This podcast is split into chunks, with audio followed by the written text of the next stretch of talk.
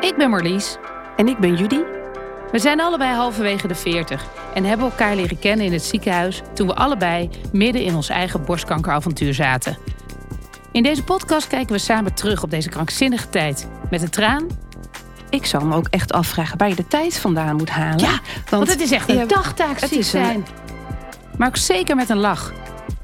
En ik zet mijn tanden in dat broodje waardoor mijn voorhoofd een beetje optrok. Want het was een groot broodje. Toen voelde ik toch mijn pruik verschuiven. Toen dacht ik, oh nee!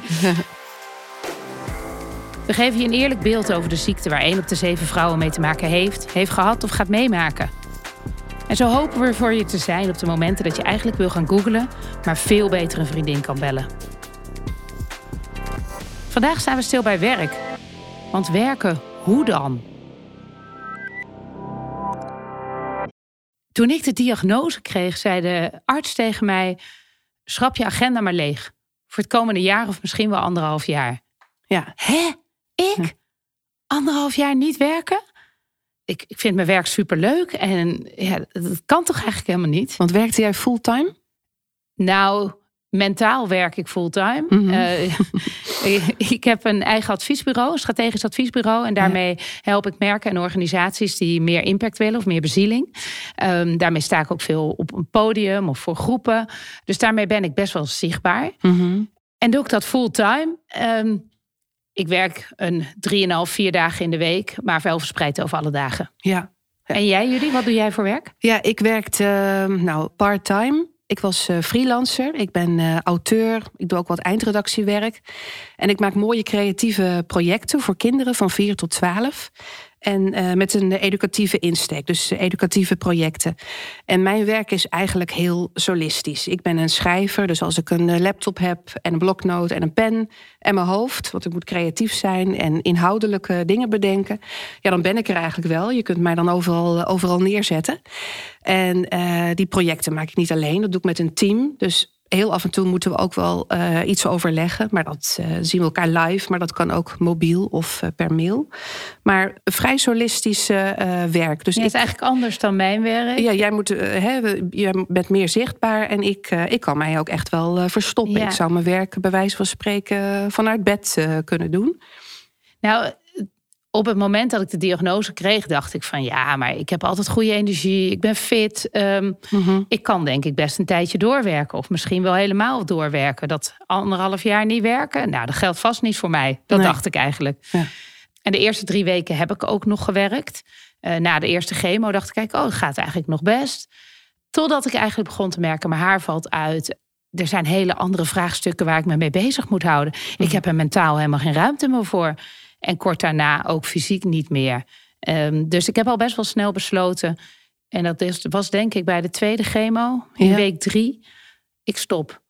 En dat heeft me heel veel rust gegeven. Was dat het moment dat jij het ook aan je, ja, je cliënten of, of de mensen voor wie jij werkt, dat je dat ken, kenbaar maakte? Nou, de lopende opdrachten die ik had, eh, heb ik het eigenlijk meteen kenbaar gemaakt. Ik zie mezelf nog staan. Ik had een afronding van een, eh, een klant waar ik al anderhalf jaar mee op reis was.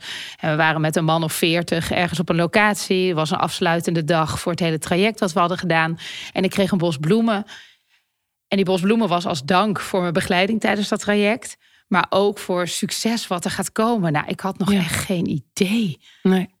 En ik dacht, ja, dank je wel. En Ja. dat was eigenlijk de eerste bos bloemen die kwam eh, van heel veel bosbloemen.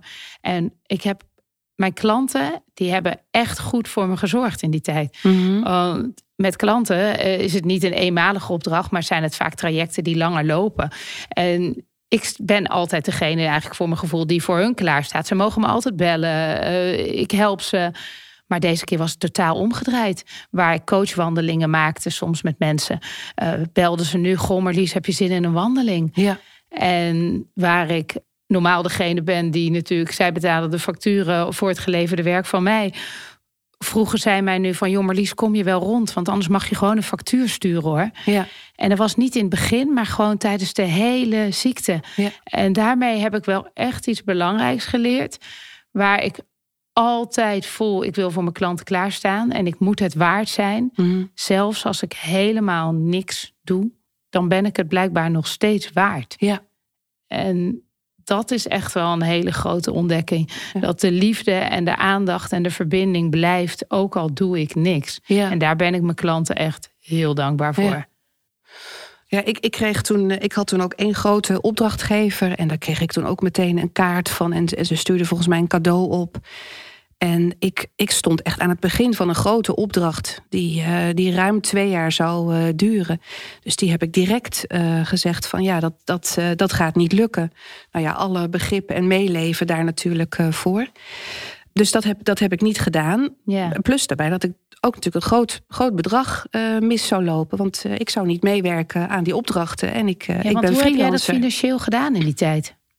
Ja, gelukkig mijn vriend Jitse, die, die werkte fulltime. En die had een goede baan. Dus wij konden daarvan rondkomen.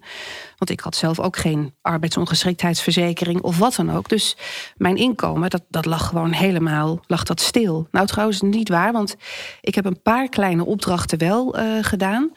En dat waren, ik, ik achteraf gezien denk, nou, een paar uur per week, echt minimaal gemiddeld. Uh, met hele ruime marge aan, uh, aan deadlines. Hè, bij ja, wijze dus van spreken. nog wel wat. Vier uur, Ja. uh, een opdracht van vier uur, waar ik dan drie maanden over kon doen, bijvoorbeeld. En dat waren ook opdrachten, dat kon ik dan ook aangeven van, nou, doe die dan maar. Waar ik helemaal niet voor creatief voor hoefde te zijn. Ook helemaal niet mijn hersens los te laten gaan. En ik kon het doen op de momenten dat ik me gewoon wel weer goed voelde. En achteraf gezien ben ik daar eigenlijk ook wel blij om, want het gaf mij ook afleiding. Uh, ik deed weer eventjes een, een, beetje gewoon mee. Ik kon ook weer een factuur daarvoor sturen. Dus dat, dat gaf ook nog weer wat moed en uh, kracht. Maar ik kon het op mijn eigen tempo uh, kon ik dat doen. Ja. Uh, maar ja, in het begin, ik weet nog bij mijn eerste chemo, dat is hetzelfde als je gaat vliegen. Dan ben je een tijdje offline. Hè?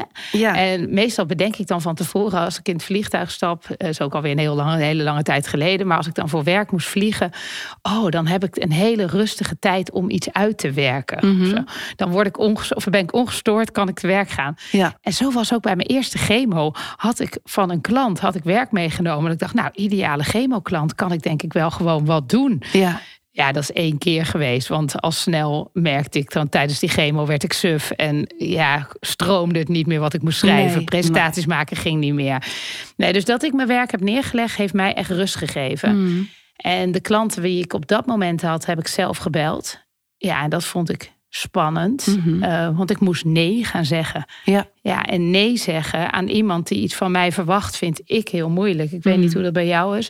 Maar dat vond ik echt heel lastig.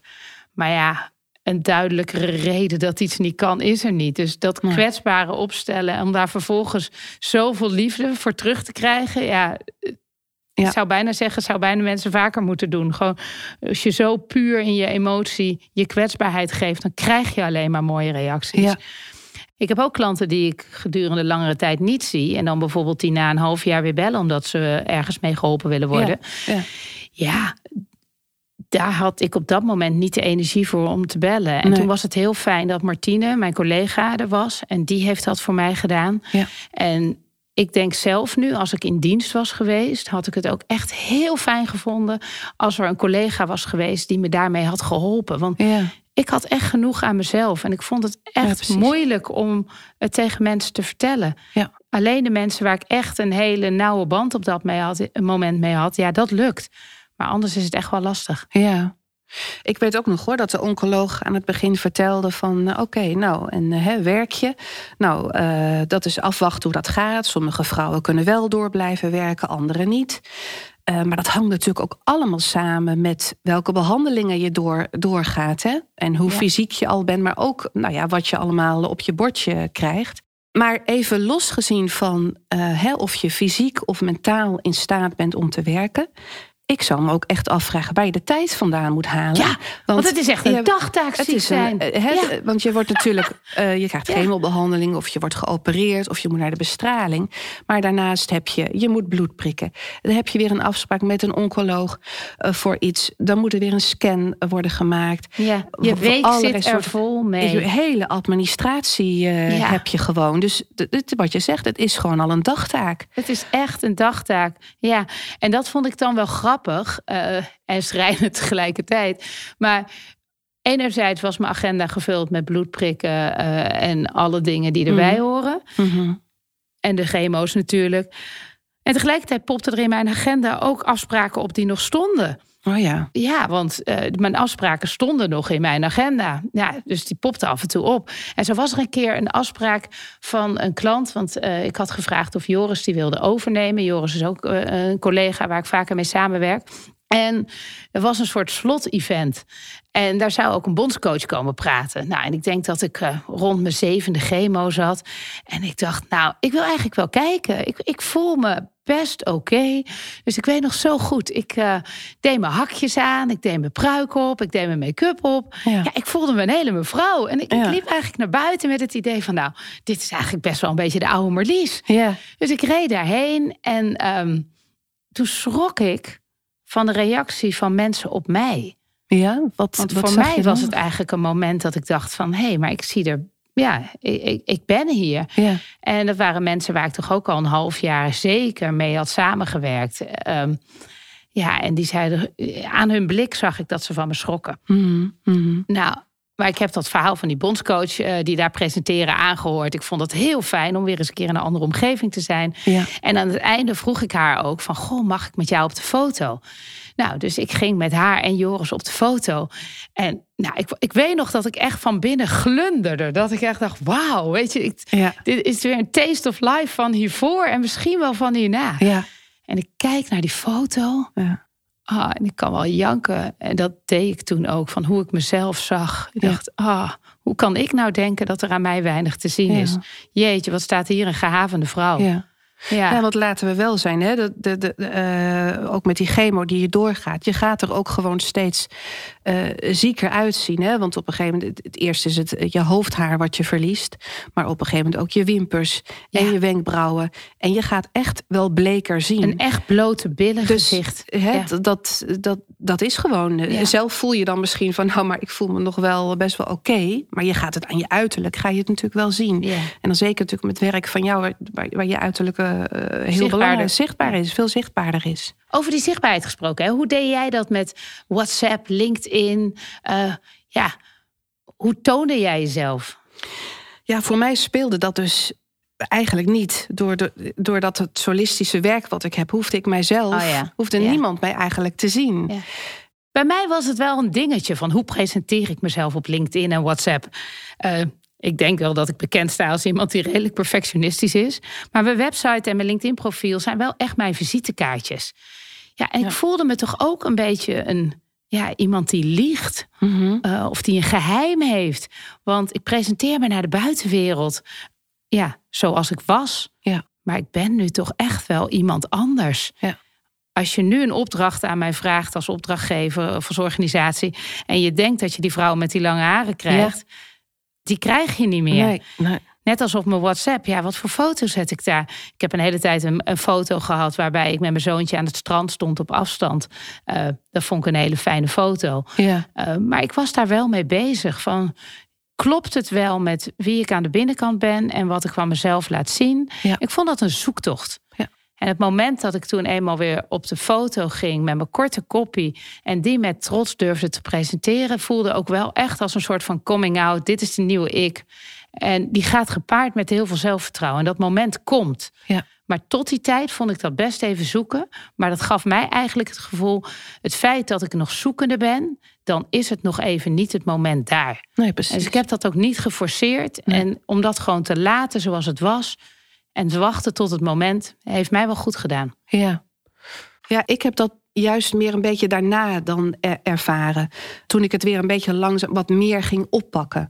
Want dat is ook, hè, als je borstkanker hebt of wat voor vorm dan kanker. Kijk, als je bijvoorbeeld als je griep hebt, dan ben je een week eruit. En dan zeg je nou volgende week maandag, Ja. dan ben ik er weer.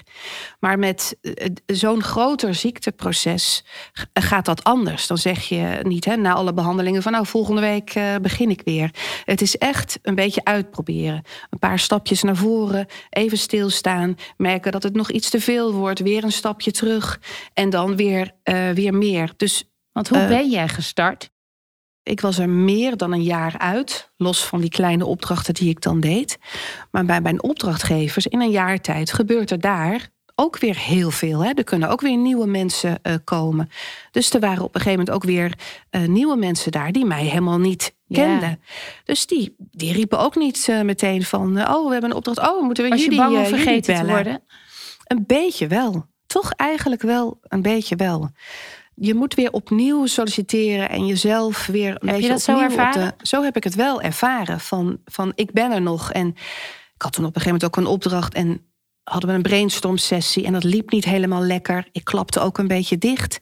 En dat ik dan toch als eerste ging denken: oeh, oh, zie je wel? Zie je wel? Komt inderdaad door mijn ziekteproces wat ik achter de rug. Ze zullen wel denken: ze, oh, ze kan het niet meer helemaal, ze is niet meer zo scherp. Terwijl het aan allerlei andere randvoorwaarden ook lag. Maar ja, op jezelf ja. opnieuw presenteren. En, um... Bij mij is dat uh, anders gegaan. Uh, ik weet nog dat uh, mijn chemo was voorbij. En ik was nog niet eens begonnen aan de bestraling.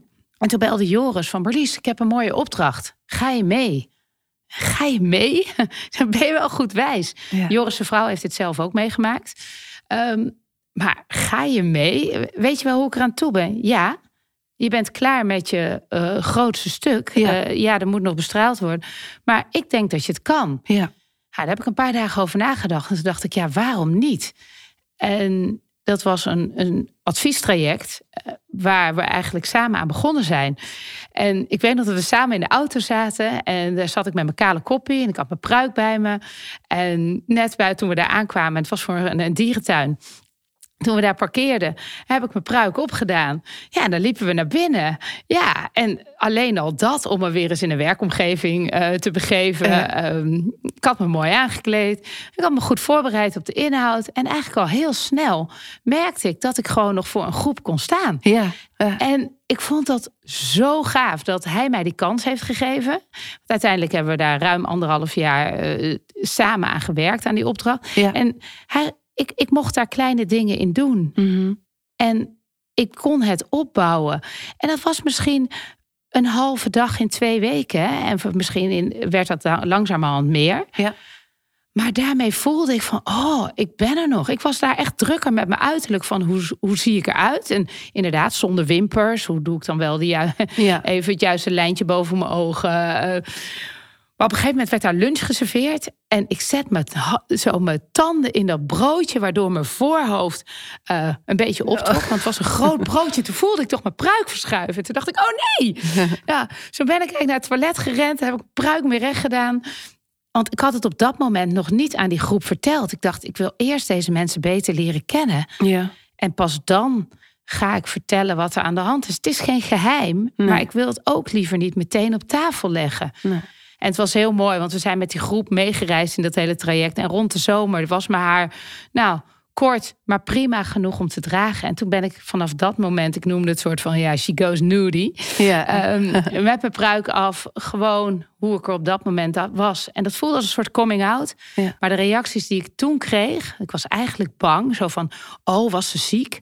Hebben we van haar dit allemaal aangenomen terwijl ze niet in orde was. Oh, ja. Zo voelde ja, ik ja. het. Ja. Terwijl de reacties waren wat waanzinnig dat je zo hebt opgebouwd en dat je daar zo staat. Wij hebben niks aan je gemerkt.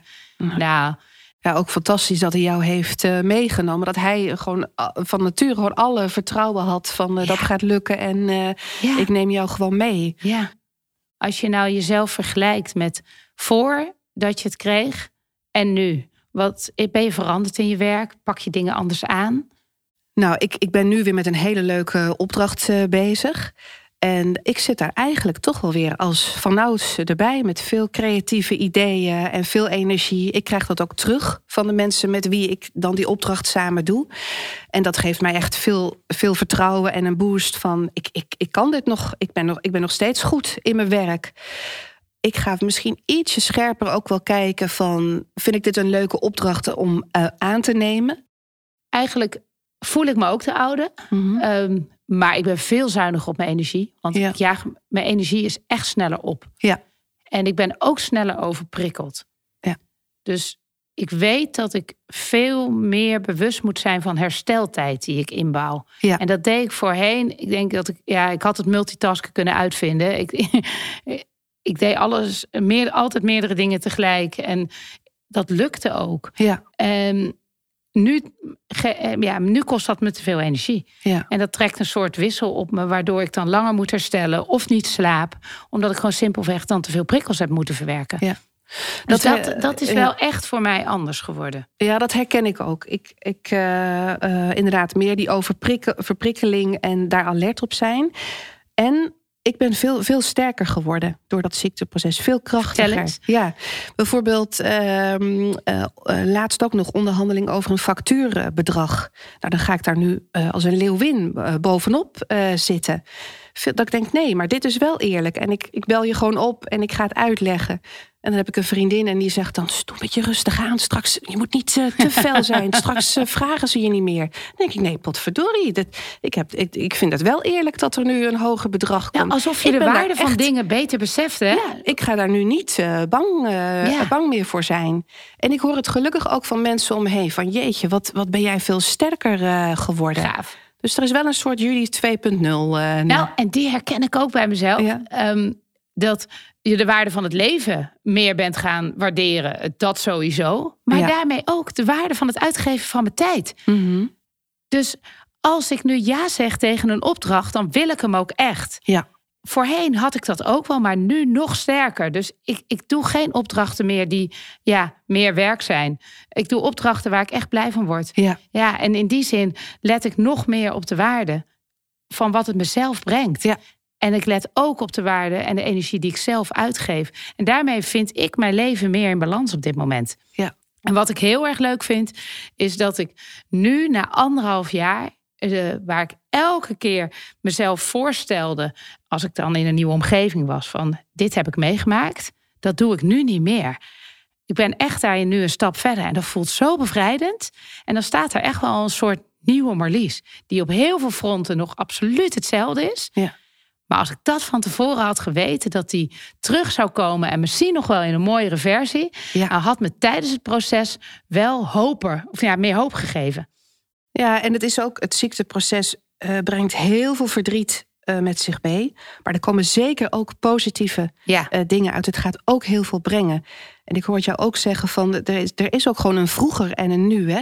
ja en dat- dat voor dat- en een na. En dat woordje vroeger, dat begint al op de dag dat je de diagnose krijgt. Ja. Heb ik volgens mij daar, die dag daarna al mezelf horen zeggen, ja maar vroeger.